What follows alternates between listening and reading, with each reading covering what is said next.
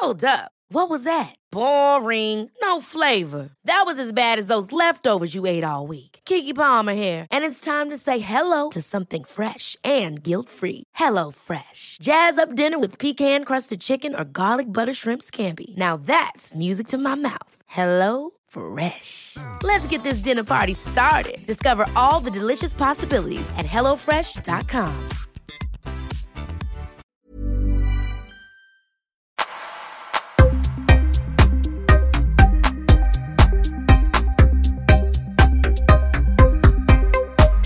Micke Gunnarsson, välkommen till Öppet sinne. Tack så hemskt mycket.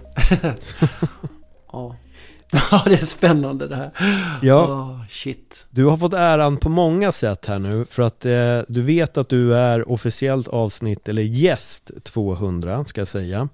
Mm. Eh, Men du är även den första personen jag intervjuar via Zoom. Wow, wow. Det är, mycket, det är mycket nytt nu då. Ja, Det är väldigt Coolt. mycket nytt. Jag har, eh, jag har haft rätt länge en sån här grej att jag helst av allt vill kunna eh, sitta med människorna som jag, som jag träffar. Du befinner dig i en annan Mm. stad, vi löste det på det här sättet, vilket ska bli fantastiskt kul. Men jag har en känsla av att i framtiden så sitter vi i min så kallade poddhörna och spelar in ett avsnitt ansikte mot ansikte Mm. lite längre fram. Så får det här bli absolut. starten, uppstarten. Jag kommer till, jag ska till Stockholm några gånger till innan sommaren. Så att det, Ja. det är möjligt vi får till det. Vi får se. Men nu, Ja. jag, jag, jag gillar det här formatet också. Det, det är också en träning för oss att verkligen vara närvarande och känna varandra även genom skärmarna. Ja. Ehm, Mm. Skulle du säga att det, för jag antar att det här har väl börjat ännu mer för dig under Corona, att göra de här äh, digitala mötena och även digitala föreläsningar och allting som har poppat upp verkligen Mm. under det um, senaste året. Eh, Hur har, det, hur har den lilla övergången varit för dig tycker du?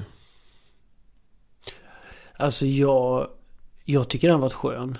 Jag älskar att jobba digitalt. Jag älskar att producera digitalt. Jag har ju min egna app också där jag är jätteproduktiv. Och, eh, så det, när, när liksom för två, lite drygt två år sedan så jag har ju nästan levt i en källarstudio i två år känns det som. Men det har varit rätt skönt och jag, jag tror också jag behövde ett break. Du vet när man är ute och reser så mycket och föreläser som jag har gjort innan så kände jag också att jag behövde också landa in mer i mig själv, mer i naturen, mer, mer krypa in ännu mer i mig själv. Så att det, det kommer rätt lämpligt eller lägligt och jag känner det nu också nu när det börjar dra igång igen med bokningar i den fysiska världen eller vad jag ska kalla det. Så har jag också, jag känner att jag vill inte ut, jag vill inte färra runt så mycket som jag gjorde innan. Utan jag försöker hitta en kombination med både digitalt och fysiskt men att det är lite lugnare tempo och ja, så. Mm. Vi blir... Eh, vi vill ha den bekvämligheten också. Det är ju det och det är skönt att vara, vara hemma. Absolut. Och jag, jag tycker också det finns alltså så mycket människor som jag har träffat de här två åren som jag aldrig skulle ha träffat utan pandemin. Jag är så tacksam över det. Alltså dels att människor har haft mer tid men också att jag är ganska snabb på att vill jag möta människor eller tycker jag någon är spännande så kontaktar jag dem en gång. Och det som har gjort det är ju att jag har fått en massa nya vänner över, ja, över hela Sverige men också ute i Europa liksom som jag inte hade hittat annars. Nej. Så jag tycker det här har varit väldigt spännande, en väldigt spännande utveckling med, med de här åren. Det, Eh, det, är speciellt för att jag vet att i början så ledde det till den här oron för många. Men samtidigt så har det också lett till en stor kreativitet hos väldigt många. Att hur löser vi det problemet som vi infinner oss i? Och då har det varit mycket digitalt på det här sättet och jag har märkt också Mm. många som har sagt upp sig eller blivit uppsagda. Men sen har det lett till Mm. någonting otroligt bra istället. Hur, hur, har det, hur har den här resan varit för dig? Ja, men jag var snabb, jag var snabb. Och det som, jag, det som har varit en fördel som jag inser för mig under den här eh, tiden det är att jag aldrig varit rädd. Nej. Jag har aldrig gått in i rädsla. Inte någon gång. Faktiskt, jag har inte varit i rädsla. Vilket då inte heller har lamslagit mig eller gjort att jag har tappat fokus eller lagt massa tid på att oroa mig eller läsa nyheter, kolla på TV. Jag, jag bara, nej nej, jag konstaterade att så här är fallet. Sen så ändrade jag riktning och tänkte hur kan jag bidra till världen på andra sätt då? Eh, och då var det digitalt som var grejen. Så att efter två dagar så hade jag byggt min studio, min liksom ministudio och så var jag igång. Eh, och jag, jag kan känna att jag, eh, har varit lika produktiv där fast på ett annat sätt. Men jag har liksom varje dag gått ner i källaren klockan åtta och sen kommit upp typ vid fyra. Alltså jag har haft motorn har jag ändå kunnat ta igång på något konstigt sätt. Men jag tror också det bottnar i att eh, det jag gör och det jag brinner för och det som gör att jag lägger tid på det jag gör om dagarna är inte för att jag har något jobb eller för att jag ska tjäna pengar utan det är mer ett kall. Det är mer en mm en, en uppgift jag känner mer och mer att jag bara har. Och då, spelar, då, då ska det ut hur, hur de yttre omständigheterna än förändras så känns det som att jag det, det är viktiga grejer för mig att, att föra ut. Jag tycker mycket handlar om kärlek i grund och botten. Att jag vill, jag vill vara en del av, av eh, vad ska jag säga, att kunna bidra till en mer, mer kärleksfull och, och hälsosam värld på något sätt. Jag vill vara en av de som är med och bidrar där och det känner jag så starkt. Så jag har aldrig heller aldrig tänkt att jag skulle bli någon föreläsare eller utan, utan eh, jag har gjort saker och sen har människor på något sätt hört av sig och undrar om jag kan berätta om det och sen jag har väl en förmåga att jag ska föra... Jag känner det att livet vill att jag ska föra ut... Livet vill föra ut mycket genom min kropp. Så kan jag säga mm. på Livet har en väldigt... Det är knappt jag hinner själv med liksom. Det är när jag... Alla mina texter, jag håller på att skriva en bok nu. Som jag inte känner, jag skriver inte boken. Jag tänker inte den. Jag tänker aldrig när jag skriver ett Instagram-inlägg. Jag producerar minst ett per dag, en ny text. Eller när jag lägger ut grejer i appen. Så känner jag liksom inte att jag tänker fram grejer. Utan det är mer att jag, det är svårt att förklara men det är en bra början på den här podden. Folk fattar ingenting. Men det, det, är bara ett flöde. Så för mig handlar det mer om att, att... För mig handlar det om att inte stå i vägen för livet. Det är så lätt att jag och mitt ego, om jag börjar ta saker personligt, om jag tror det handlar om mig, om det handlar om Micke, min status och sådana här grejer. Då står jag i vägen, då kommer jag inte åt flödet. Utan då skiter jag istället ner mig i rädsla, prestation, och tänk om jag inte tycker boken är bra, tänk om jag inte får några följare. Då är jag helt lost. Då jobbar jag inte utifrån den källan. Utan då tror jag att det är jag som är källan. Och för mig är det inte så. Nej, jag, alltså, jag, jag tycker det är skitbra för jag jag kan verkligen, alltså det, det, blir så många frågor här i, i det här. Dels börjar jag tänka på Stephen King, det kanske låter jättekonstigt. Men han sa en gång att så här, att den svåraste frågan är när folk frågar vad, vad, vad får du allt ifrån? Och då sa han mm. det, han bara Alltså jag vet inte, det bara kommer till en och det är precis det du beskriver. Och jag, jag mm. förstår verkligen vad du säger, att så fort egot ställer sig i vägen, då börjar man också förhindra. Det märker jag på så många som har de här så här, jag har en dröm, men först så måste jag och så har man 200 förklaringar, grejer som måste hända precis innan allting bara kan börja. Istället för att bara mm. sätta igång och, och arbeta. Och jag känner mig lite så här träffad i det du säger också på något sätt, för jag kan känna ibland att jag, jag har precis släppt ett av mina första YouTube-klipp där jag sitter själv och pratar. Det var en tanke som jag har haft mm. så länge. Och så tittade jag på ett av dina klipp idag och så tänkte jag, Fan alltså jag kanske inte behöver tänka så jävla mycket på hur det ser ut i rummet. Liksom, Micke tar ju bara upp telefonen, ställer upp den lodrätt och bara Tjena, jag vaknar här nu precis. Och hade en tanke. Ja. Och jag tror ibland ja. så gör vi det, jag tror att vi förhindrar oss själva så mycket. Och du beskrev det så bra, man, liksom, jag, jag hindrar källan om jag väl börjar tänka på allt det här. Mm. Som du säger, men, men när, och, och då blir egentligen den riktiga frågan då när började du få de här tankarna som var, gick, när vaknade du? Rent krasst kanske det jag ska frågeställa. När kom det här uppvaknandet för dig? Nej, jag tror, jag tror inte... Det låter ju sådär romantiskt att det var något särskilt uppvaknande. Det var där det hände på parkbänken. I liksom. jag, jag har svårt att se det så. Jag, jag vet i alla fall att... Jag vet så här att när jag tittar tillbaka ända sedan jag var litet barn så har jag varit jätteintresserad av större frågor. Eh, skrev texter väldigt tidigt som handlade om djupa saker som man kanske inte normalt skriver om som 5-6 år, vad vet jag. Mm. Men mycket, jag var nyfiken på större saker. Sen så och det höll väl i sig ända upp till tonåring på något sätt. Men sen så tog det ju sig nya vändningar. Du vet, man, man blir vuxen, man träffar en partner, man skaffar familj, karriär, egot, visitkort, status, hus och villa. Och sen är man helt fucking lost till slut. Alltså, eller så ska jag inte säga men maskineriet är igång. Man börjar dras in i det normativa. Ja, man ska bli något och så vidare. Och du har ett ansvar och ekonomi och barn och allt sådär. Och det är fantastiska grejer men men det drev ju mig längre och längre ifrån det som jag kände var jag. Och det kunde jag nog inte sätta ord på då, men det kan jag nu. Vilket ledde då till 11, 11 eller 12 år sedan när, jag, när det tog stopp för mig. Liksom. Det ledde till ett års sjukskrivning, utmattning. Jag skulle hellre vilja säga liksom någon slags existentiell breakdown liksom. Där allt tog stopp. Och det var till och med min kropp liksom. Och, och jag har ju berättat om det innan också att det, det blev destruktivt. Det var mycket alkohol och, och, jag kunde inte kontrollera det heller. Så jag var, jag var inte på någon bra plats alltså. Men utåt sett så tror jag att många hade nog tyckt att det var bra plats liksom att det gick bra och man var chef och allt det här yttre då.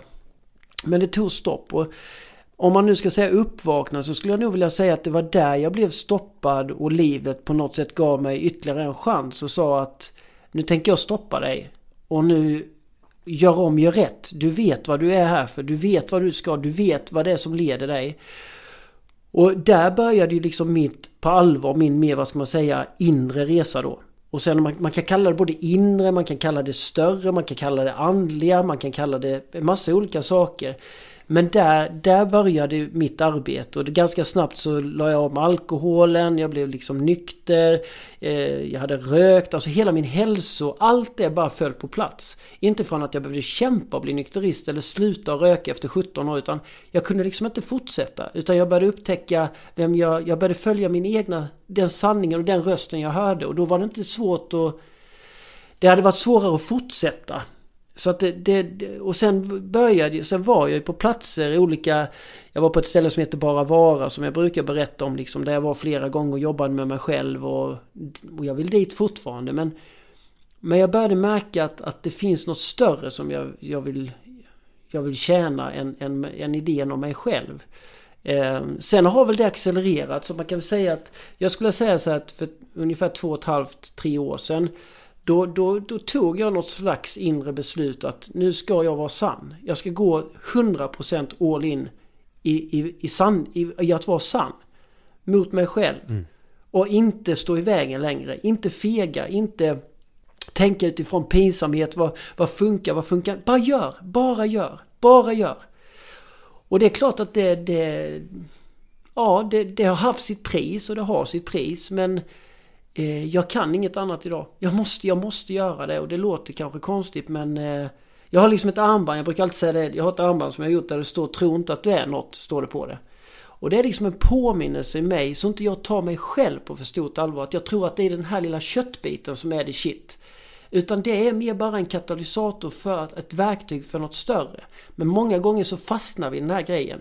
Vi tar det person, vi tror det handlar om mig, det är jag och så blir det bra, dåligt, fel. Alltså, vi, för mig handlar det om nästan att personlig avveckling snarare än utveckling. Mm. Att, att avveckla idén om dig själv så kommer vi åt något mycket, mycket coolare och mycket viktigare idag. Eh, för vi ser vad som händer om vi är fast i oss själva, vårt ego. Vi ser hur destruktiva vi blir, både mot oss själva och Moder Jord och varandra. Mm. Så att det måste, det, det, det jag tror, hmm, jag känner att just nu är vi inne i en tid där jag tror jäklar vad mycket människor som håller på att vakna upp nu. Det, det, det, det kommer bli en eh, wow, wow. Det, det, är många ägg som kommer knäckas framöver alltså, som är på väg, som är på bristningsgränsen. För vi orkar inte längre. Vi, vi pallar inte. Vi, det är så tydligt att jag tror det, det, är för många av oss som går runt med den här inre konflikten. Vi märker att det stämmer inte längre. Det gör för ont. Och, och vi, vi, är inte menade att vara här för att det ska göra ont. Det, det, är världens lekplats vi är på. Det är ett paradis. Vi har allting vi kan någonsin drömma om. Men vi, vi, vi går vilse i oss själva så vi kan inte njuta av det här som vi, som vi ser vi ser inte ens soluppgången längre utan vi, vi ser, jag vet inte om vi ser, jag, nu generaliserar jag lite men, men vi, vi är ju inte fria. Nej. Vi, är som, vi är som fantastiska mirakulösa lejon där burarna har varit borta sen, aldrig ens varit där kanske. Men vi tror det. Så vi, vi vågar inte för vad ska andra tycka och tänka? Vad går hem? Vad är snyggt? Perfektion? Duktig? Bra? Ah, wow, det finns någon, en helt annan frihet. Och jag, jag märker det nu liksom när jag verkligen expanderar. Jag kan känna verkligen liksom allt ifrån att jag dansar, jag lägger ut, jag, jag vill bara leva. Och jag märker vad som händer i människor. Jag ska också dansa, jag vill också, jag vill också, jag, alltså släpp mig fri. Ja, du är fri. Du är, du är fri! Wow, wow! Men vi, vi, men vi har blivit riggade under lång, lång tid på massa olika plan och på massa olika sätt som gör att vi, vi lever i kramp. Jag, jag, det är i alla fall en, en idé jag har i alla fall. Alltså det, det, mm. det, var många år då jag gick och ifrågasatte vad, vad är egentligen frihet?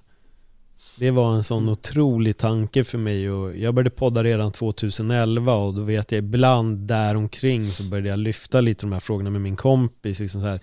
För många går runt och tror så ja ah, men vi är fria, vi lever i det fria och liksom, vi, det är så fritt och då så här, fast är du verkligen fri om du går till ett jobb som du hatar mellan 8 och 5? Är det frihet? Att gå till ett jobb där det enda du drömmer om är helgen som du sen kan kröka bort? Eller att du drömmer om semester så du får ledig fem veckor och sen bara drömma efter de här fem veckorna igen? Det är ingen frihet.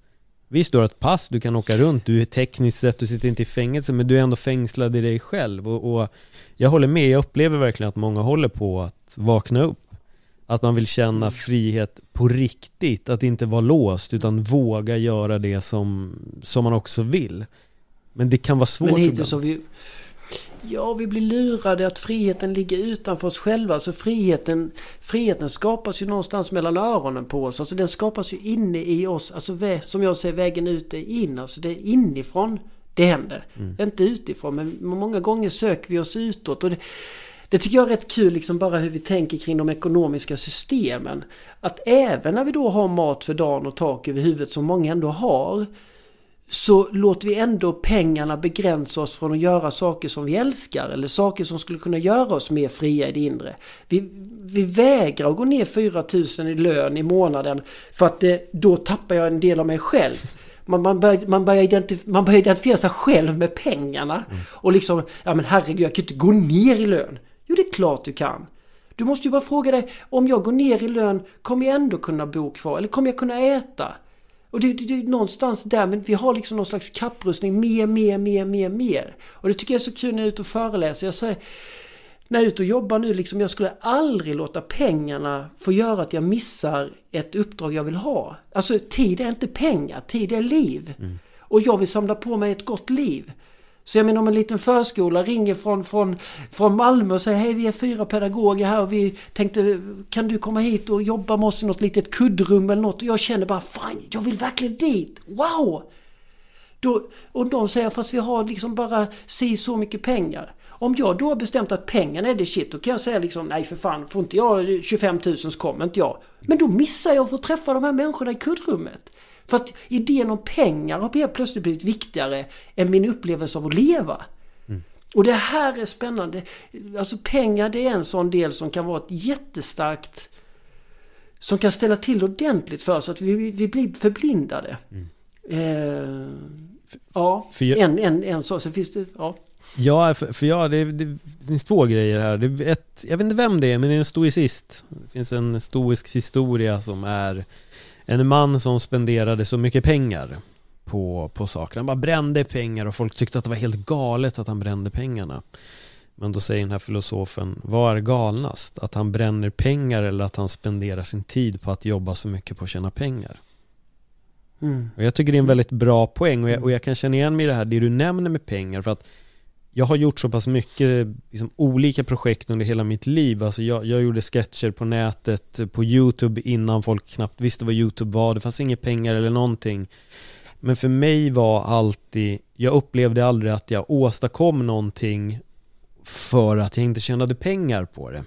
Så det finns, fanns, det finns den rävsaxen också i just tror jag att kvittot på att ha mm. åstadkommit någonting det är när pengarna på något sätt börjar rulla in. Mm. Och det är någonting mm. som jag har fått ändra nu när jag pratar med, när jag, oftast när jag lär känna någon och så kan de säga men gud vad du har hunnit med mycket och, och jävlar vad du har gjort massa saker och så känner jag Ja, oh, shit, men det fanns en tid då jag liksom såg ingenting för att min enda tanke var det är först när jag kan leva på det. Det är först då, ja. allt annat är bara kampen dit. Men det tror jag också får så mycket, mm. så, så mycket saker att lida, vilket det fick för mig. För då var jag aldrig avslappnad när jag gjorde det.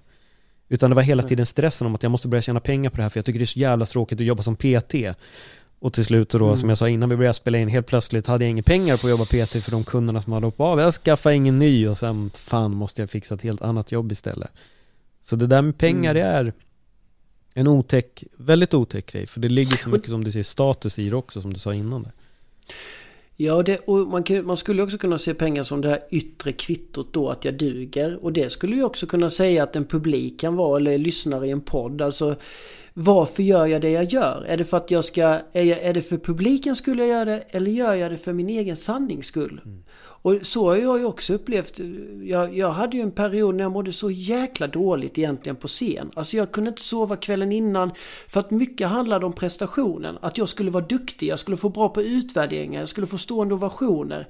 Vilket gjorde att jag, jag jag säkrade upp föreläsningar. Jag stod ju på scen egentligen, men jag ska vara ärlig och var rädd. Och det är klart det syntes inte utifrån för jag hade liksom skills att kunna manövrera det. Men om, om man verkligen hade tagit en, en liksom, känt efter på mig så var jag i skräck. Och eh, eh, hade liksom mer tänkte på, är det rätt slide nu och kommer nästa bild och är jag rätt ute och hur ser publiken ut? Att jag var där bara för deras skull. Och beroende då på om, om, de, om det blev stående ovationer så var ju det, då var jag ju fly high. Jag, jag var ju bäst. Wow! Var det burop eller någon skrev en trea i utvärderingen så kunde hela min värld rasa. Så jag var ju helt beroende av, jag var ju våldet utav publiken. Och idag fattar jag att, att stående ovationer och burop är av samma knark om du är beroende av det. Mm. Utan jag måste fråga mig, idag kan jag verkligen känna, och jag säger det ibland till publiken rakt ut, att jag skiter fullständigt i det just nu. Ni, ni, det är ni som skapar föreläsningen. Om jag har 800 pers i publiken så sker det 800 olika föreläsningar. För varje människa gör sin, sin föreläsning. Jag kan inte ta ansvar för dem. Jag brukar säga fuck you, I love you. Fuck you på det sättet att ni får skapa er egen. Jag älskar er allihopa. Men nu, det, det är ni som gör det här nu. Och det enda jag kan försäkra er om det är att jag tänker vara sann i varenda sekund och säga det som jag hör kommer till mig. Idag har jag inget manus. Jag, jag kommer ut liksom med 70 bilder och ibland använder jag en och ibland tre. Jag har ingen aning. Utan jag vill bara vara ärlig och sann och känna att jag har tillit till stunden. Att nu möts vi och det som sägs ska sägas. Och det, det, är en helt annan grej för mig. Alltså det, det, är en sån befrielse. Jag kan stå och njuta och jag, jag har ingen aning om vad jag ska säga nästa minut. Och, när då, och det, det, är klart att för en kund kan det vara lite läskigt men då får man ju hjälpa dem. Men, men just att jag tror vi människor, vi behöver det nu. Ja. Vi behöver få, få, få våga känna tillit och bara vara. Precis som du gör, gör detta snacket nu. Mm. Låt det bara hända. Mm. Det, det, och det för mig är liv. Detta är, detta är liv för mig.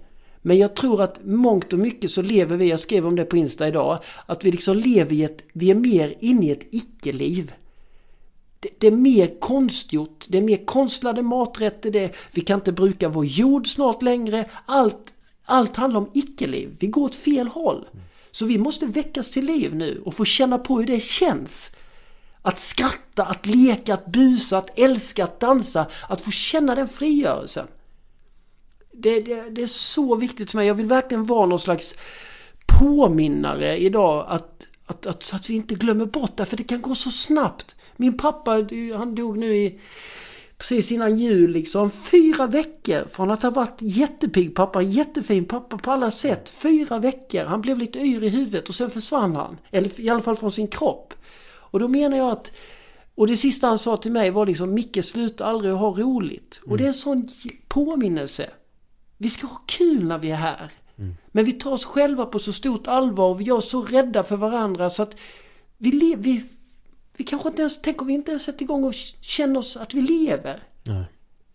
Det vore olyckligt. Gå in på en förskola och titta på ungarna, de lever varenda jävel. Det är helt galet. Och där har vi alla varit. Vi har alla varit de små barnen som går igång på en vattenpöl. Mm. Men vad har hänt sen då? Och det, det, det brukar jag tänka så att det är i början av vårt liv. Alltså egentligen borde det bara öka sen ju. Men ibland blir jag liksom rädd för att vi, vi, vi föds på topp, sen går det bara ut för. Nu kanske jag generaliserar lite, men det vore synd om det är så. Och du vet när jag jobbade med ungdomar, det var en tjej och skrev en låt. Alltså jag, jag blev så ledsen när jag hörde den låten, för hon skrev en låt om att hon visste inte om hon ville bli vuxen, för när hon tittade på hur vuxna verkade ha det så visste inte hon om det var en plats hon ville befinna sig på. Jag tänkte vad är det för, vad är det för, vad är det för bild vi visar av våra barn? Vad är det för signaler vi skickar? Ja det är jävla ingen lek med livet, det ska du veta. Och det är hårda och vänta till du kommer ut i verkligheten och det är jämna plågor. Lägg av! Lägg av!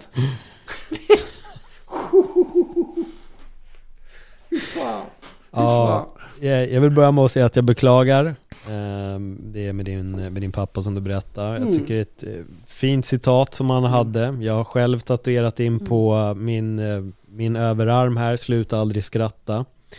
Ehm, Mm. Så det är lite ett motto som jag också försöker leva efter. Och sen gillar jag den här tjejen mer än hon har sagt, för min inställning har ofta varit att jag vill leva Peter Pan-livet. Jag har inte tid att växa upp. Mm. Vi måste fortsätta vara barn Mm. hela tiden och man måste kunna leka och jag tycker det var så roligt för min, eh, min brorson, idag är han äldre men när han var fem eller sex så hade han frågat sin mamma Är Paul ett barn eller är han vuxen? Och då frågade hon, vad tror du? Hon bara, nej men han, han är ett barn va? Hon bara, är du säker? Han bara, men är han vuxen? Han bara, kan du säga om han är ett barn eller vuxen? Och jag förstår, för att varje gång jag var med han så gick jag ner till hans nivå jag var, jag var där, men jag tror det förvirrade honom att jag såg ut som mamma och pappa Det blev lite och då kom ju frågan liksom, är han barn eller är han vuxen? Men jag tror det är så viktigt att kunna, precis som du säger, behålla leken Ehm, Ja, alltså jag vill ju inte vara, jag, jag vill inte rekommendera vuxna att bli barn. För det blir krängigt att gå och bajsa ner sig och ha blöjor och, och amma och grejer. Utan vi, vi, ska, vi måste förstå att vara vuxen handlar, vi får inte sluta att leva för vi blir vuxna. Och det jag tycker symboliserar barnet, det är friheten, det är leken, det är utforskandet, det är det egofria. Om du tittar på riktigt små barn så har ju inte de utvecklat något ego. Det är inga problem för dem om de leker med en liten lastbil och så släpper de handen för de ska pilla en snorkråka om någon tar bilen. För då tar de ett flygplan. Det, det flyter på. De, de, inte, de, de startar inte, men när egot börjar komma och de börjar identifiera sig med bilen och mamma och pappa skriver med stora bokstäver min bil, Olles bil. När vi börjar liksom bli våra, det vi inte är. När vi börjar tro att vi är våra saker, när vi börjar tro att vi är vår, vår kropp, när vi börjar tro att vi är vår prestation. Då kommer det bli krängigt. Och det är det jag tycker, det skulle jag däremot önska att vi, att vi tittade på och var mer nyfikna. Det som, det som jag tycker symboliserar det rena och fria i barnet. Men tyvärr så, så tar vi ju mycket det ifrån dem. Ganska tidigt. Det egna inre ledarskapet, den egna inre tron på sig själva, utforskandet. Utan helt plötsligt säger vi till dem ganska tidigt att du vet inte bäst. Utan vi vet bäst. Och det är det du ska förhålla dig till. Vi har en idé om dig och vi har ett facit i stort sett. Och det är det du ska göra. Vi vet... Ja, vad ska jag säga? att Vi vet ditt bästa, inte du. Mm.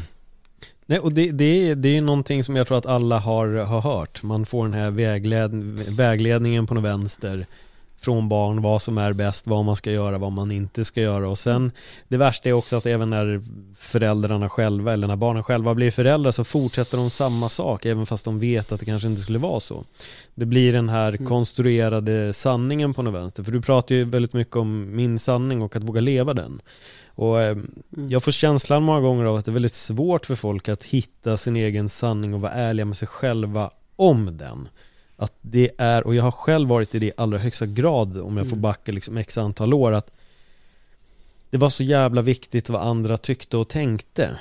Eh, och liksom om mig, allting jag gör och hur jag ser ut och så vidare. Jag kunde inte gå ut och kasta soporna utan att kamma håret i princip. Och nu är det bara så här, äh, skit i jag går och tränar och håret får liksom se ut som, som det gör. Man klär upp sig när man behöver och när det inte behövs så gör man inte det. Och spelar jag in grejer som folk tycker är skit, ja men lyssna på något annat, jag kommer fortsätta producera ändå. Men, men det är lätt att, att, att ha väldigt illa vid av en negativ kommentar som du sa, det kan liksom förpesta ens vecka till och med. Och bara vara i det där. Mm. Men om, har du något tips på hur man gör för att börja manövrera i sin egen sanning? Nej, men jag, jag tror ju egentligen när du säger manövrera i vår egen sanning så tror jag att i de flesta fall vet vi vad som är sant. Mm. Men frågan är om vi vågar följa det. Alltså du anar inte hur många som skriver till mig till exempel som lever i relationer som de inte vill leva i. Som är destruktiva eller som de. Och de frågar mig hur vet jag om det är sant om jag ska lämna eller inte. Och jag säger du vet det. Jag säger inte om du ska lämna eller inte. Men om du verkligen känner efter så vet du. Och då kommer ju till slut, jo men tänk om jag inte fixar ekonomiskt. Man vet ofta sin sanning. Men frågan är om du vågar gå den vägen. Om du tillåter dig eller om du låter mer rädslorna styra. Vilket, vilket självklart kan, kan också finnas där. Men Så att sanningen tror jag vi, utan frågan är ju mer vad vi behöver för att våga tro på den sanningen och våga gå den vägen. Mm. Jag, alltså, vad, hur viktigt är det för mig? Och det, det, jag tror det är svårt att säga men jag menar om jag tittar på mig, det är väl klart jag vet väl att jag vet ju att människor raljerar över mig och tycker det, alltså människor tycker ju massa saker om mig. Vissa tycker jag inspireras av det, vissa tycker jag är helt dum i huvudet. Vissa, vissa skulle inte, alltså vissa tror jag liksom verkligen tycker illa om mig och tycker jag är fjantig, omogen. Vadå stå måla nagellack eller stå och dansa i ett kök eller liksom eh, sitta naken i en dusch och filma. Är han dum i huvudet? Så det finns en massa tankar kring mig. Men frågan är ju, är jag här för deras skull? Är jag här för att behaga dem? Eller är jag här för att behaga mig själv och känna att jag lever? Mm. Sen, sen måste, vad folk tycker och tänker om mig, det har ju inte jag med att göra. Nej. Det är inte min business. Så kan man, kan man börja jobba på det och börja liksom verkligen titta på det lite djupare. För att jag, jag skulle vilja kalla det att det är nästan diktatur. Om jag menar att alla ska älska mig, vad är jag för människa då? Mm. Det, det är ganska, folk måste ju få tycka vad de vill om mig. Om de tycker jag har en ful tröja på mig så var, varför får de inte tycka det? Det måste de väl få tycka. Herregud. Jag, jag vill att alla människor ska vara de de är och att de ska vara sanna i det de är. Så att om en människa säger till mig jag tycker inte din skjorta var snygg. Nej, det är helt fine. Mm. Jag tycker, men det är här vi märker hur vi, det är här vi sätts på prov hur vingliga vi är. Om jag verkligen har köpt en tröja som jag känner, fan vad snygg den var. Och så kommer du och säger till mig, usch det där var ingen snygg tröja, alltså den var ju modern för fem år sedan.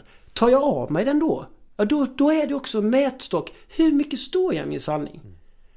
Jag hade en sån diskussion med en vän för, några, för förra veckan som var otroligt spännande. En vän som jag känt i 30 år men där vi kom in på ett ämne där vi inte hade varit innan antagligen och pratat. Där vi var så olika. Men hur vi klarade i en och en halv timme och ha ett sånt jäkla in, in, liksom intensivt samtal. Men det var ingen av oss som försökte tvinga den andra att ha rätt eller fel. Eller gå över på min sida. Utan vi kunde bara spegla varandra. Men vi, vi flyttade inte oss. Jag kände att den här, det här liksom en sån värdering ligger djupt rotad i mig. Och vi kunde acceptera varandra i det. Det var inte att den ene gav upp eller någonting. Eller vi var, vi var över på varandras sidor, tittade och utforskade. Men det var ingen debatt. Det var ingen vinnare, ingen förlorare, inget dömande.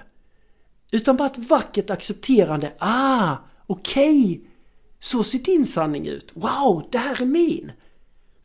Men och det, och det är dit, tyvärr är det ju det är synd att det saknas ju mycket sådana samtal idag. Utan ofta är det kopplat till debatt eller vinna eller övertyga eller ja, egot, egot härjar fritt liksom.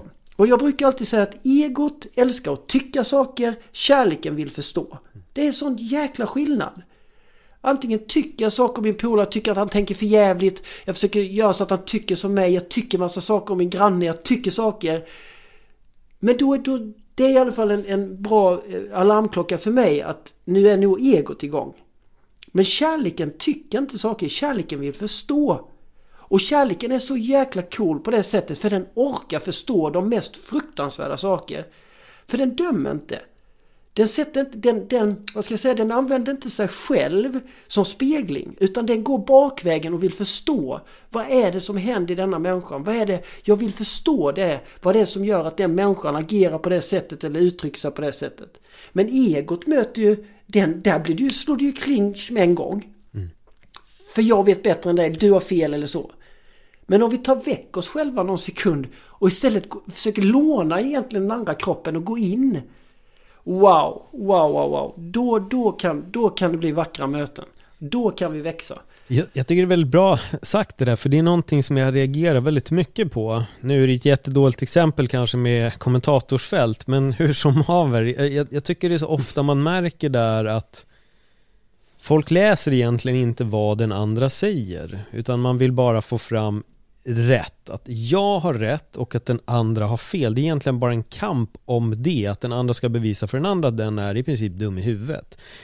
Och jag anser att det, det där, där tycker jag också att vi har gått så vilse. För jag tycker det är bra det här nämner med just diskussioner. Jag har en, en person, Gurgen Bakli en kille, vi, han har varit med i min podd tre gånger. Jag tror att vår längsta podd var tre timmar. Vi är mm. extremt lika, men jätteolika i våra ideologier. Men vi möts och vi är fan idag sjukt bra vänner och vi har mötts genom podden och idag anser jag att det är en riktigt god vän till mig för att vi kan konversera. Han är vegan, mm. han är minimalist och liksom har gått åt ett helt annat håll. Jag är bara väldigt öppen, jag vill vara fri i alla titlar och liksom jag vill inte identifiera mig med något, men jag äter väldigt mycket kött och Men ändå kan vi liksom snacka om det och det är bara väldigt, vi har sån respekt för den andras åsikt. Och det är det jag tror också att vi mm. måste nå. Vi, vi måste börja respektera den andras åsikt och där kunna mötas.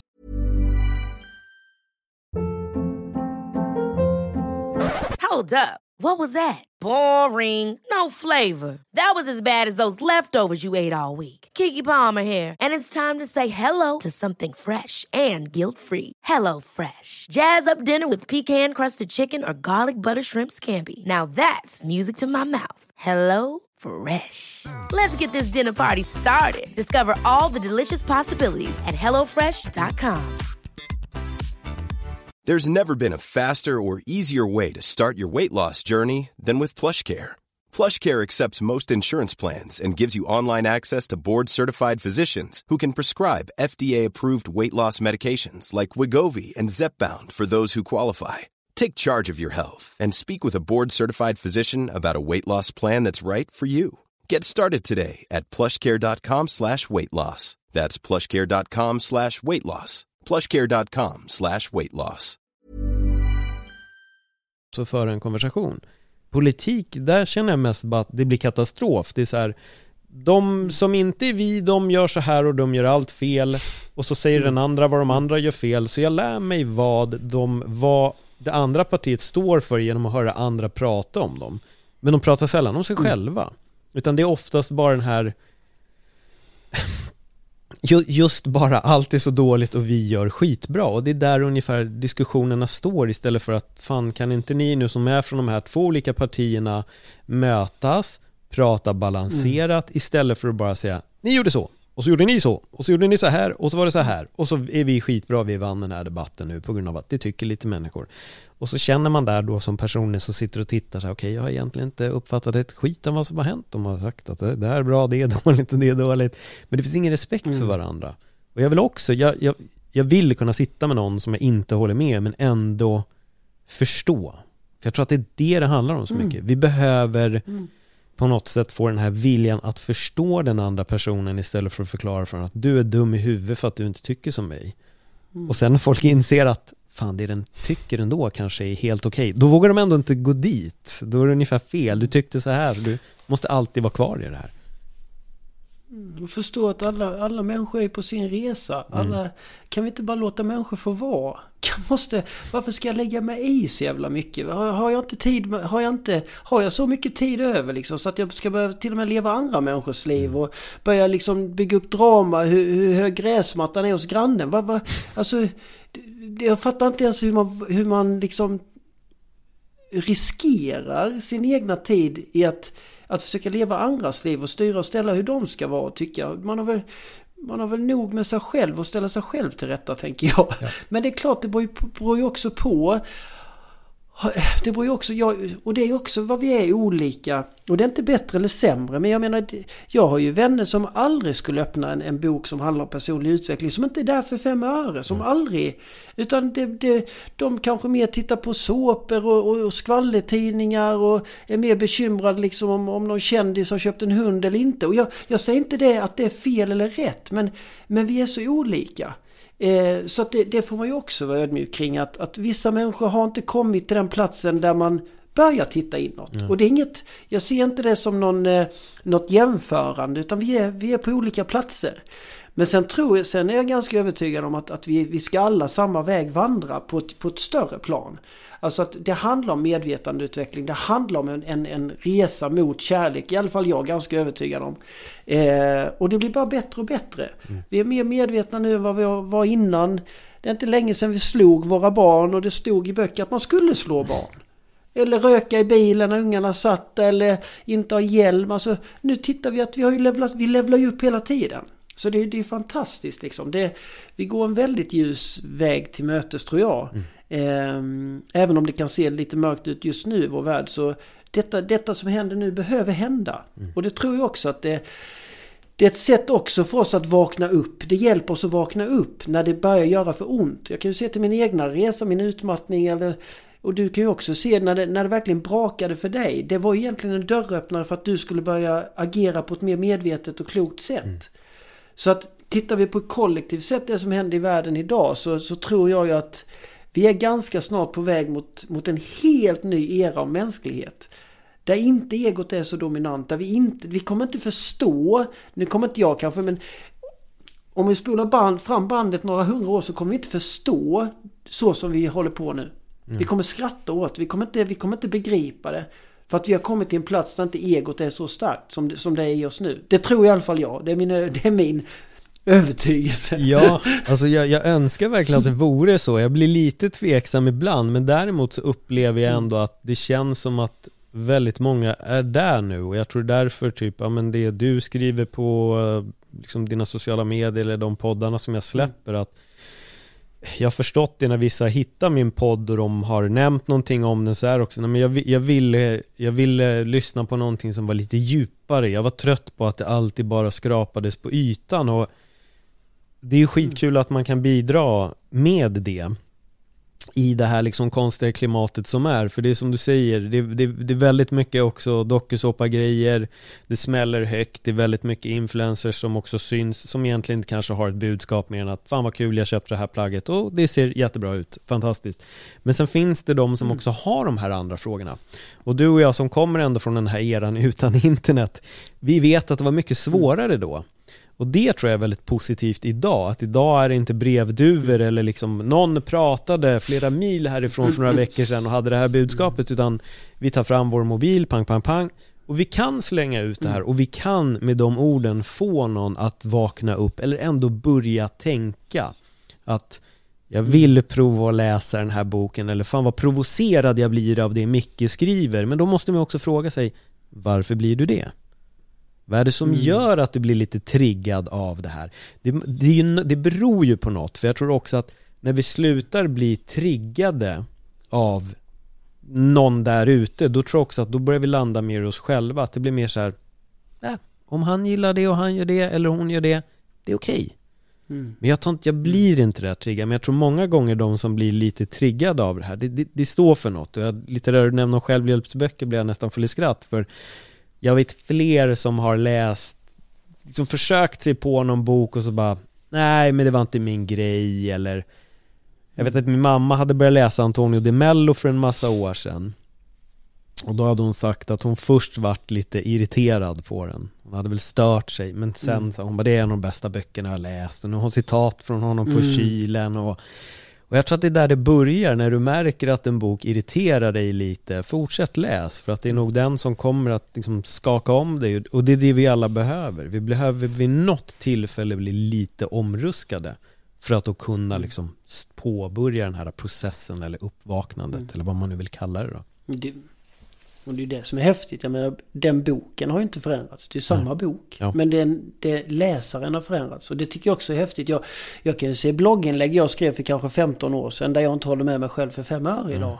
Det, för att jag, man föränd, vi utvecklas, vi förändras. Mm. Och, det, och det är inte heller något vi ska tycka är konstigt. Utan, och det, det tycker jag också, häng löst. Om jag tycker en grej idag så är det inte säkert jag tycker den imorgon. Mm. Om jag har en ståndpunkt idag, jag kan förändra. Jag, jag vill vara flexibel. Jag tänker inte cementera mig i sanningar.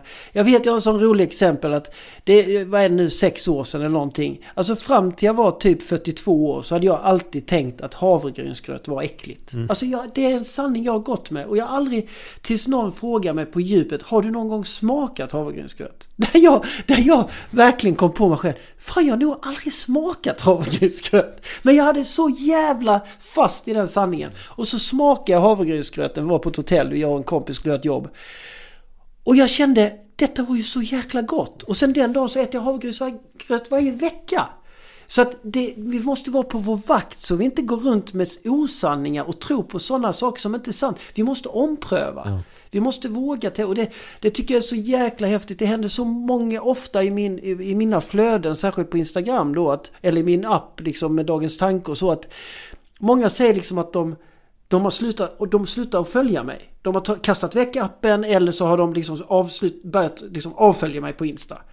Och så kommer de tillbaka igen efter ett par månader och säger Nej men jag måste vara... Så att, och det, det tycker jag också är, är, vackert liksom. Det är precis som du säger, man blir irriterad, man blir förbannad, så drar man sig undan. Mm. Men så känner man, och det är många gånger någon har skrivit så här liksom att Fan det handlade ju om mig.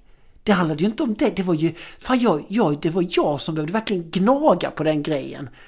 Herregud, jag, jag, jag var ju verkligen inte inlyssnad kring min unge, liksom mitt barn. Utan jag tyckte det var barnets fel till jag började fatta att vad är det som händer i mig när skorna står i hallen? Så hade jag aldrig sett det innan utan jag tyckte det var för jävligt att behöva lära sig vad fan plocka undan skorna. Men vad är det som gör att jag blev försatte mig i tillstånd där jag mådde själv så dåligt och var så arg? Ungarna var inte ens där och satt upp på rummet och spelade dator men jag stod i hallen och såg ut som ett jävla monster. Över ett par skor. Istället för att jaga reda på ungarna, att jag börjar jaga reda på mig själv och ställa mig frågan vad är det som gör att jag liksom säljer ut mitt egna välmående så snabbt bara för ett par grejer i en hall? Mm. Det är där det, är där det börjar. Men, och då, då kan jag förstå att i första början kanske man blir vansinnig på mig när man, när man ser sådana inlägg liksom med skor i hallen och säger jävla idiot. Men sen börjar man komma på sig. Vad fan är det? Vad håller jag på med? Och det, jag tycker det är, så, det är så vackert att möta människor i det att att liksom ena dagen är det 'fuck you Micke' och sen nästa dag 'du, jag har en fråga' mm. jag, tycker, jag, tycker det är så, jag tycker det är så underbart. Och det är sådana vi... Det är så öd, jag, jag är väldigt ödmjuk där och det är jag mot mig själv också att jag... En sak jag tyckte igår kanske jag inte tycker imorgon. Vi får se. Nej. Vi får se. Jag skrev ett inlägg om det där rätt nyligen eller om det var någon gång förra året men jag Jag har varit väldigt mycket inne på det här med att så här, omvärdera min sanning. Så jag skrev något om att det jag tycker och tänker idag, jag säger det rätt ofta, liksom, mina åsikter idag, de kommer förändras. Jag kommer att omvärdera mitt liv ungefär en gång per år så kommer jag nog ha omvärderat väldigt mycket. Vissa saker stannar kvar, andra kommer försvinna. Jag kanske tycker att jag är briljant eller har en briljant tanke om något idag. Men imorgon så kommer jag ju bara tänka att, äh, men vad fan är det här alltså? Och jag tror att det är viktigt, det är så jätteviktigt idag för kommer jag falla in lite på forskning, men man märker när forskare blir besatta mm. av sin sanning. Då fortsätter de mm. bara att jaga det och allting ska bara uppnå det de en gång sa för att vi återigen älskar att ha rätt i det hela. Mm. Um, och jag tror att det är farligt. Jag tror att vi behöver verkligen uppskatta istället att kunna skifta vår sanning till en ny sanning om man säger så.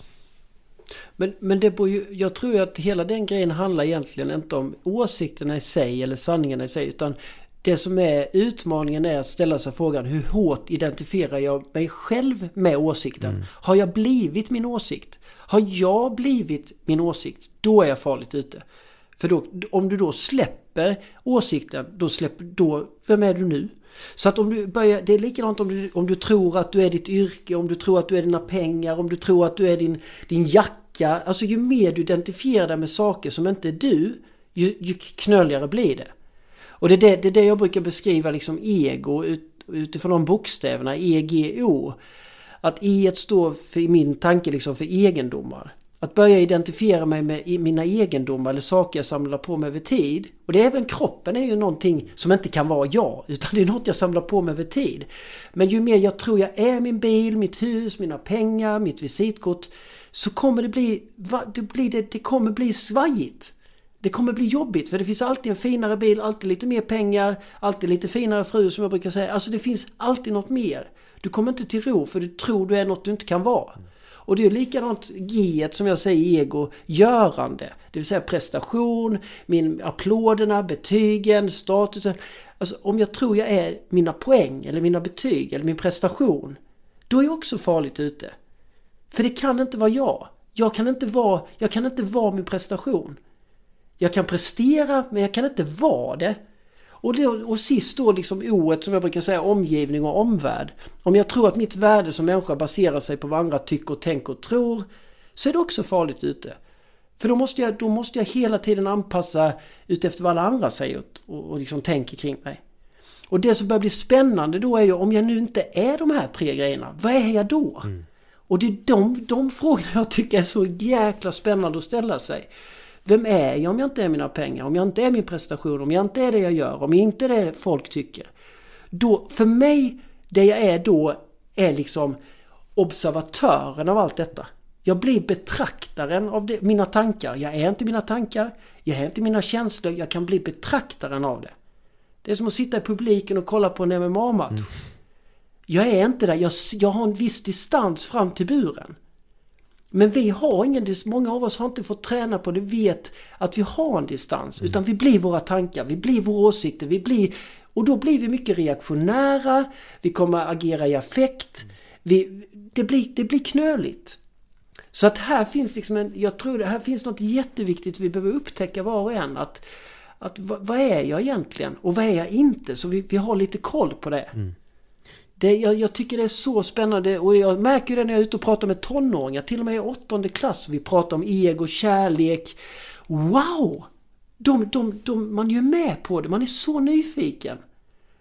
Så jag, jag behöver, man behöver inte vara så reaktionär. Om någon råkar gå in i mig vid skåpet liksom. Och fan flytta, vad fan gör? Varför, var, och så börjar man titta på om jag, om jag inte hade varit egot, om jag hade varit i kärlek. Alla vet. Man har inte brytt sig. Och bara oj, hur gick det? Men, du, men du, du, är så, du är så laddad. Är, och det, det här, wow! Att sänka... Ah! Åh, det finns ett jätteviktigt arbete där. Och det, för mig handlar det liksom om medvetenhet, andning, chilla. Mm. Vi, vi, wow, komma i kontakt. För det är det som... Då kan vi få den här lilla distansen. Ja, för det är det som skrämmer mig lite ibland.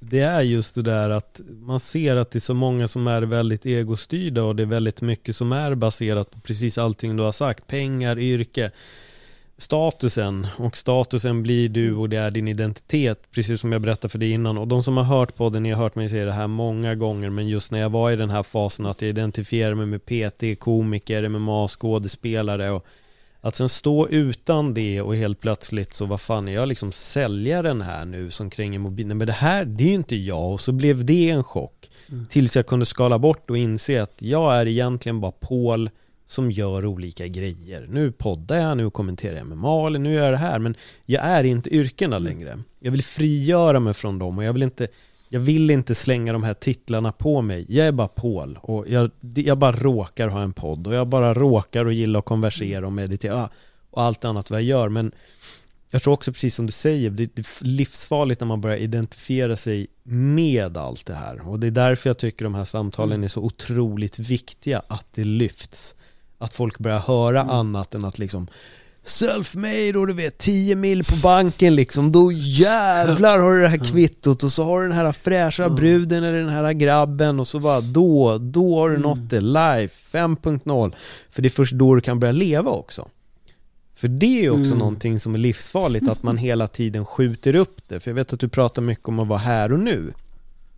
Vilket, mm. precis som med barn, blir ju sjukt besvikna när man säger imorgon, för att det existerar inte det är verkligen bara nu och säger man imorgon, det är så långt borta när man är barn. Men sen när vi blir vuxna, då blir det på något sätt tvärtom istället. Då blir det som att vi placerar allting långt bort. Att det, det är först allt det här ska jag ha uppnått. Och jag var där så mycket. Tills jag helt plötsligt åker till Kanada och bara för första gången på fem år träffar massa nya människor och de började ställa mig frågor som hur är läget? Vad tycker du om naturen? Gillar du vår hike som vi är på nu? Och jag var så här, Shit, jag har ju inte levt. Mm. Jag har ju inte levt. All fokus låg bara när jag blev ledig från Peter ska jag hem och skriva mm. skämt och sen ska jag göra det här och sen ska jag göra det och sen ska jag det och sen typ om 200 liv då, när jag har uppnått, ah. ja men då ska fan Paul börja leva och då ska jag ut och resa och då ska jag skaffa vänner och så inser jag att fan här har jag gått runt och, och typ inser att jag har knappt en polare ens. Jag har bekanta, mm. men jag har ingen riktig vän. Det är ingen som jag egentligen sätter mig med och verkligen för en konversation med. Och det är så tragiskt, alltså mm. när jag mm. tänker tillbaka på hur lätt det är att fastna i det. Till att nu istället idag mm. vill jag vara mer, okej, okay, det är nu. Jag kan planera en resa sen, absolut, men jag behöver också befinna mig här. Jag måste stanna, jag måste andas, mm. jag måste bli medveten, jag måste lyssna. Vad händer i mig i mm. den här stunden? Men det är så jävla lätt att bara fly och då blir den här självhjälpsboken så här, men vad fan, liksom, det, han kan dra åt helvete den här jäveln i den här boken, fan vad lack i. Sen två år senare så är det så här, oj, det här är det bästa jag läst. Fan alltså som, som väckarklocka och, mm. och då börjar någonting. Då börjar något. Men det är det som, det är det jag tänker också som vad ska jag säga, det här när vi upplever att det är så stressigt och vi har så mycket att göra och det är så, alltså nu kanske det låter konstigt men jag har ju, jag, jag tror att alltså det är mycket att göra i huvudet mm. men inte i verkligheten. Nej. Inte där vi är här och nu. Där är det oftast lugnt. Jag skulle nästan vilja säga att jag, jag kan ibland vara förvånad över hur man kan vara så lycklig eller olycklig när det händer så fruktansvärt lite i ens liv. Mm. Det händer väldigt lite om vi verkligen tar ner det till här och nu. Jag brukar tänka vi sitter, ligger eller står. Det är det vi gör. Och så gör vi någonting. Nu sitter vi och poddar, det kommer en unge kanske förbi, vi, vi står och vänder en korv i en stekpanna eller vi, vi står framför en klass och säger liksom stor bokstav heter A. Men det händer väldigt lite om vi verkligen tar ner det till nu. Mm. Och ofta, ofta när, vi, när vi stressar upp oss liksom Om jag har så mycket nu, herregud, och imorgon har vi prov och allting så här, Nej men vänta, vad händer nu? Ja, jag kan ju fan inte sova, du fattar inte jag. Nej men vad händer nu? Om jag tar en bild nu med, med en kamera, klick! Och ja, jag ligger i en säng. Jaha, okej. Okay. Är något mer? Nej. Ja, en katt som gick förbi. Ja, okej. Okay. Men det händer inget. Utan det är, vår, det är vårt mind det händer. Mm. Och ju mer vi, vi är slavar under mindet, om vi inte hittar något mellan, om vi inte kan ta oss... Jag brukar alltid ställa en fråga till mig själv liksom när jag börjar, när det drar igång. Vad händer på riktigt just nu? Alltså vad händer på riktigt just nu? Och då skulle jag vilja säga till 99% av gångerna så är det hur lugnt som helst. Jag står i en kö, sitter på ett försenat tåg, ingenting, det händer... Så egentligen kan jag, jag kan nästan nu senaste tiden nästan bli förundrad och tänka så här, händer det någonting överhuvudtaget? Alltså det var hemskt vad lugnt det är egentligen. Men i, när vi börjar tro på våra tankar och inte... När vi hoppar på varenda tanke. Då blir det mycket. Då kan vi gå i däck utan att någonting har hänt. För det, vi, har inte, vi har inte lärt oss att manövrera, eller vad ska jag säga? Vi har inte lärt oss hur vi, hur, hur vi ska funka gentemot vårt egna inre. Utan, utan vi bara hoppar på. Vi tror till och med att tankarna är våra egna. De är ju inte våra. Det är väldigt lite tankar du och jag medvetet sitter och tänker. Utan de, det är rörelse av energi. Tankarna är som materia som rör sig hela tiden. Så tänker i alla fall jag. Mm. Frågan är ju vilka jag ska hoppa på eller inte. Och jag behöver, det är som att stå på en perrong och se en massa tåg komma. Jag kan ju inte hoppa på alla tåg utan jag får välja med omsorg att nej jag ska inte med det tåget, nej det skiter jag det ska jag på. Tänk om vi kunde få börja träna tidigt på detta med våra tankar. Att när den där tanken kommer, herregud jag har föreläsning på onsdag. Vänta lite. Ska jag med? Ska jag med den? Jag har ju till och med i min kalender där det står när jag ska tänka. Jag har börjat att liksom sätta av tid när jag ska gå in i den tanken. Så jag inte går runt och småtänker och småskvätter och småkissar överallt och oroar mig för det. Utan när den här tanken kom upp, ja visst ja, den har jag ju tid för på torsdag klockan ett. Då ska jag gå in och tänka på den grejen. Men inte innan. Så det här, det här är något vi kan jobba med så att vi inte är slav, så vi inte bara sitter och åker med helt hejdlöst. Och jag upplever att många som jag jobbar med, både utifrån coaching men också utifrån när jag föreläser och workshoppar så, är att man, man bara åker med. Man, man, man, det är inte, man är inte själv den som styr längre utan du bara, hänger, du bara åker med. Jag känner igen mig i det där som du nämner och jag har det har att göra med när jag jobbade som PT. Så gjorde jag misstaget ibland att jag hade bokat upp eh, ja, med fyra kunder på rad och då får du ju ingen rast. Men jag kunde ändå få in någon liten minut där och jag vet att jag var ofta så stressad. Ah, fan, om jag, fan, nu snart ska jag ut och jobba med en minut här. Men så tänkte jag en dag för mig själv att Fast vänta nu, jag har en minut att göra ingenting alls. Så tänkte mm. jag, jag sätter mig bara här och blundar i 60 sekunder. Och, och jag har, jag behöver inte tänka på något. Helt plötsligt, det var de mest befriande 60 sekunderna jag hade innan jag skulle ut till nästa kund. Mm. Och det gav så mycket energi. Och där började någonting förändras som jag började applicera det väldigt mycket mer. Men jag märker det, det är verkligen så här, och det handlar bara om en sekund. Men det är galet hur vi ibland går in i det där som du säger. På onsdag, så är det så här, det är söndag idag. Och vi är redan inne på vad som händer på onsdag. Vi är så långt fram att vi mm. börjar gå igång ungefär som att liksom du står på startlinjen av ett 100 meters lopp men det såhär nej, du ska springa, du hinner springa flera maraton mm. innan. Det är ingen brådska alls. Men vi vill hela tiden vara fram i tiden och fram i tiden. Tänk då våra barn och unga liksom i skolan som är sådana framtidsprojekt. Där, där kan ju liksom barn... Det, det, vi, vi spolar fram bandet 10-15 år. Mm. Alltså att, att allt, det mesta vi gör i skolan är för framtidens skull. Men det kommer ju ingen framtid. Det är det första jag säger till ungdomar. De har ingen framtid. Kommer aldrig att ha. Inte du heller, inte jag heller. Det är ingen som har varit där. Jag brukar skoja och säga att jag har väntat i snart 50 år men det har inte kommit någon framtid ännu. Utan det enda jag egentligen behöver ta omsorg och, och, och liksom på något sätt tacksamhet och vördnad över det är detta andetaget. Att jag sitter här med dig nu, det är det enda jag har i mitt liv. Det är det enda som finns i mitt liv just nu. Det är det viktigaste, det mest fantastiskaste som jag upplever nu. Det är det, det är det enda jag behöver ta hand om. Att jag har en någorlunda fint möte med dig. Mm. Det finns inget mer. Det finns inget mer. Och jag menar, det är det jag menar med många ungdomar att de, de, så, de skräms upp för framtiden. Att du går i skolan för att du ska lära dig saker för framtidens skull. Nej, de är i skolan för nutidens skull. Det är det enda som är viktigt hur barnen mår i skolan nu. Vi kan inte ha en tredjedel av våra unga som har ont i magen, kan inte sova, eh, har ångest, psykisk ohälsa, utbrända. Det är det viktigaste att titta på, inte framtiden. Inte, inte om du frågar mig. För att, för, i, och med att, i, och med att, I och med att när framtiden kommer så är det bara ett nytt nu. Så är det ju det vi behöver ta hand om.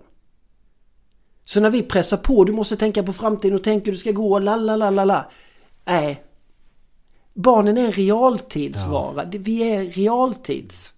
Ja, men då, det, det är det jag vet att jag kunde känna under min, nu visst, jag visste vad jag ville bli, jag har alltid velat bli skådespelare, det var min stora dröm. Sen att mina betyg var så dåliga att jag inte vågade söka Södra Latin, det är en helt annan podd. Mm. Men jag tror där också för att väldigt många som jag gick i skolan med visste inte vad de ville bli. Och att då ungefär ställa det kravet när man är typ, ja men vi säger då från 13 år, nu i högstadiet ska ni börja klura vad ni vill göra. Gymnasiet, det är extremt svårt när man fortfarande bara hänger i i verkliga nuet mm. på ett vänster. Det, det, blir väldigt långt bort, bara tanken om att ha gått ut skolan känns högst surrealistiskt med tanke på att den har pågått i nästan halva ens liv. Mm. Så att det är över om tre år känns som overkligt och på det ska vi veta vad vi vill göra för resten av vår existens. jag, jag förstår inte riktigt den logiken och har väl aldrig gjort och det verkar som att de flesta som sen går en utbildning blir ändå någonting annat. Jag kanske generaliserar precis som mm. du har gjort lite här om andra grejer, men det får man göra, känner jag. Så mm. jag, jag, vet inte, men, men, hur skulle du vilja se det? Alltså hur, hur skulle du vilja ändra den med barnen? Nej men jag tänker igen, vi måste fråga oss själva, både alla, alltså inte bara barn, utan vi behöver fråga oss hur mår vi? Mm. Hur, hur mår vi? Hur mår lärare? Alltså vi nu tittar på skolan, alltså vi måste ju titta hur vi mår. Eh, jag, jag vet inte men, men det här men sen tror jag det har väl ändrats kanske lite men jag menar så, alltså man, det, var någon sån här, det var någon sån här rapport som kom för det ett gäng år sedan. Men där man sa att de som går i förskolan nu, av de barnen som går i förskolan. 50% av dem när de söker sina första jobb om 20 år kommer jobba med, med, med jobb som inte finns ännu. Och, och, och det, då, det gör ju också så, så Alltså man kommer, det är en väldigt liten, få, väldigt få människor som kommer efter gymnasiet få ett jobb och ha det hela livet ut. För så kommer världen förändras så jäkla snabbt. Även om du är på samma arbetsplats under hela ditt liv så kommer den att förändras och transformeras flera gånger om. Så, så det yttre kan vi inte längre hänga upp vår tillit till. Utan återigen så måste vi bygga tilliten in i oss själva. Att vi kan agera i förändring. Att vi kan bygga oss själva. Det är det som är det viktigaste. Det egna inre arbetet nu är viktigare än någonsin. Men ganska långt fram nu så har, du, har man mer varit, vad ska jag säga, intresserad av det yttre. Att det är det yttre vi ska hitta tilliten, det är det yttre lyckan finns. Men det är dags att komma tillbaka nu för det kommer inte, det kommer inte funka så. Och då, jag, jag, jag har ju frågat, jag vet, inte, ja, jag vet inte hur många tusen föräldrar liksom de här senaste 5-6 åren jag har varit ute. Hur många utav er föräldrar jobbar idag med det som ni tänkte när ni gick i nian och sökte gymnasiet? Och det är så jäkla kul alltså. Det, när man tittar så är det ungefär 10%. Det vill säga en unge i varje klass. En, en två unga. Och den kommer ju inte bli högre den siffran. Mm. Så återigen, det är inte det viktiga. Det viktiga är att ungarna väljer saker som de känner är kul nu. För det, det, är den livsenergin, den livskraften, den hälsosamma energi i sig som kommer bära dem till nästa nu, till nästa nu. Och då kan inte jag se hur det skulle kunna gå. Ja, det är klart att saker och ting kan hända på vägen. Men att liksom kämpa i fem år och, och skada sig själv, göra något du inte vill, bara för att du tror sen. Och det värsta som kan hända då är ju om du får ett sånt jobb Som du då kanske mycket pengar som du egentligen inte vill ha. Men du, du alltså wow, vad blir det för liv utav det?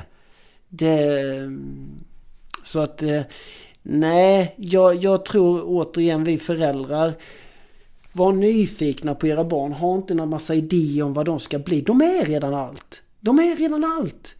De, de ska inte bli något mer.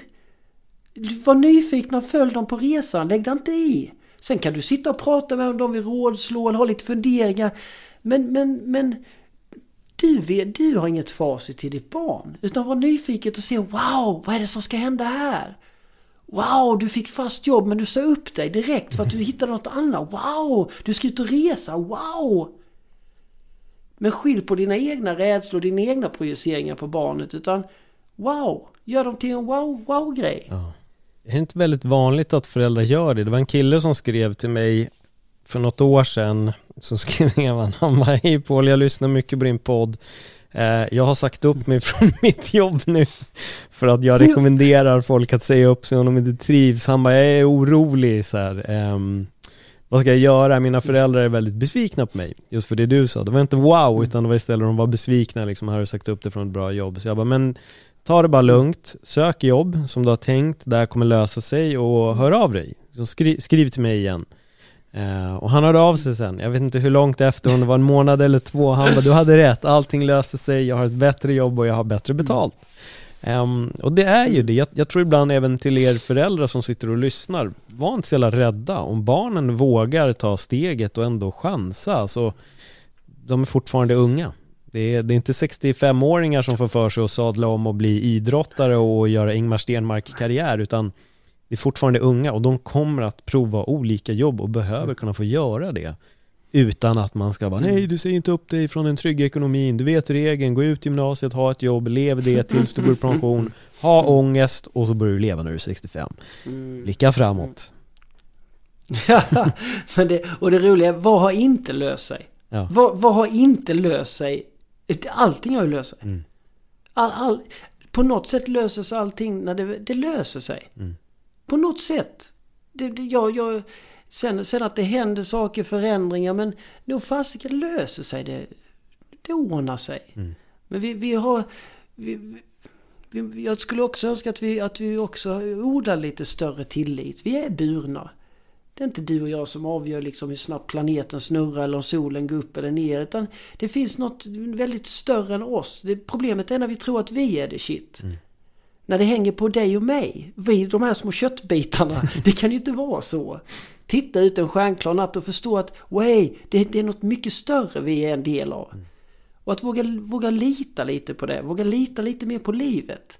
Det mesta du och jag, att alltså du, varken du eller jag skulle kunna förklara hur vi kan sitta här idag. Ingen utav oss. Det, det, det är ett mirakel som inte går att förklara hur du och jag möts här. Mm. Om vi skulle titta tillbaka, liksom våra föräldrar när de gjorde oss. Alltså, det, är en sån, det, är en sån, det är en sån detaljplanering från något större som inte vi ens kan förstå. Att du och jag kan sitta här. Med allt vad det innebär för att vi ska kunna vara här. Men vi glömmer ibland det. Vi ser inte miraklet i, i det här. Utan för vi, vi är mer uppe i vårt egna lilla huvud. Mm. Wow! Så att här finns mycket... Wow! Vi, vi, det, det, det finns mycket tillit att kunna eh, vila i. Eh, mycket mer än vad vi tror. Det är i alla fall, så tänker i alla fall jag. Jag säger inte att det är sant, men för mig är det, är det en viktig del att ha med mig. Ja. Jag, jag kan inte mer än hålla med och jag känner på något sätt också, för jag vill inte ta för mycket av din tid. Det här är ett jättefint sätt för oss att avrunda det här samtalet. Att det finns någonting, det är mycket större och, och hela den biten och att vi sitter här idag, vi har det här mötet, vi för den här konversationen som vi har gjort folk kommer kunna lyssna på den, de kommer kunna tänka, ta till sig, tycka att vissa grejer mm. kanske till och med är skit. Men i alla fall lyssna och liksom mm. skaffa en, en, en tanke om det och kanske lyssna igen om ni blir provocerade, för då börjar väckarklockan ringa där. Uh, så det, det, har varit jättekul mm. att verkligen få, få dela den här konversationen med dig. Och jag mm. hoppas att vi i framtiden någon gång kan, kan sätta oss eh, på riktigt och verkligen eh, spela in en, en eh, mm. kanske till och med en lång podd, vem vet? Kanske blir det en tre, fyra mm. timmars podd. Gunnarsson ja. Delvaje går på djupet. ja, jag ser fram emot det. Ja. Det, finns, det, det är spännande att få utforska, självklart. Ja. Mm. Ja men verkligen. Så jättestort tack Micke för att du, för att du har tagit din tid. Eh, om folk inte redan följer dig på din resa, var hittar man dig då någonstans? Eh, ja, sociala medier, Instagram är jag där jag är mest aktiv. Micke Gunnarsson, där hittar man. Och sen har jag en app som heter Micke Gunnarsson och vänner. Som man kan ladda ner gratis till stor del. Mm. Eh, där, jag, hela, där jag är aktiv och där vi kör livesändningar och coaching. Ja, det, är, ja, det är min egna liksom, lekplats. Eh, så det är väl dem. Sen får man väl googla och så kan man... Ja, jag, jag, jag tror allt finns ute. Telefonnummer, allting. Jag, jag är så transparent det bara går. Mm. Mm. Ja men härligt. Jag tycker verkligen det. Gå in och följ på Instagram så får ni sköna visdomsord att eh, spana mm. in. Om det är så att det är första gången som ni lyssnar på den här podden så är ju då Micke Gunnarsson intervju nummer 200 av en podd som har runt 240-250 avsnitt ute. Vill ni veta mer om mig och alla mina tankar så kan ni scrolla runt efter det som öppnar mitt, heter Öppna mitt sinne så får ni höra mig sitta och eh, filosofera. Men kom ihåg att uppvaknandet, det, man vet aldrig när det sker, man vet aldrig när det börjar men vem vet, det kanske börjar nu det är kanske nu du känner att det mm. någonting skakar om i dig så lyssna på det och låt vägen bara mm. öppnas upp för dig. Så får jag säga tack för att ni lyssnade. Ha det jättebra. Hej då!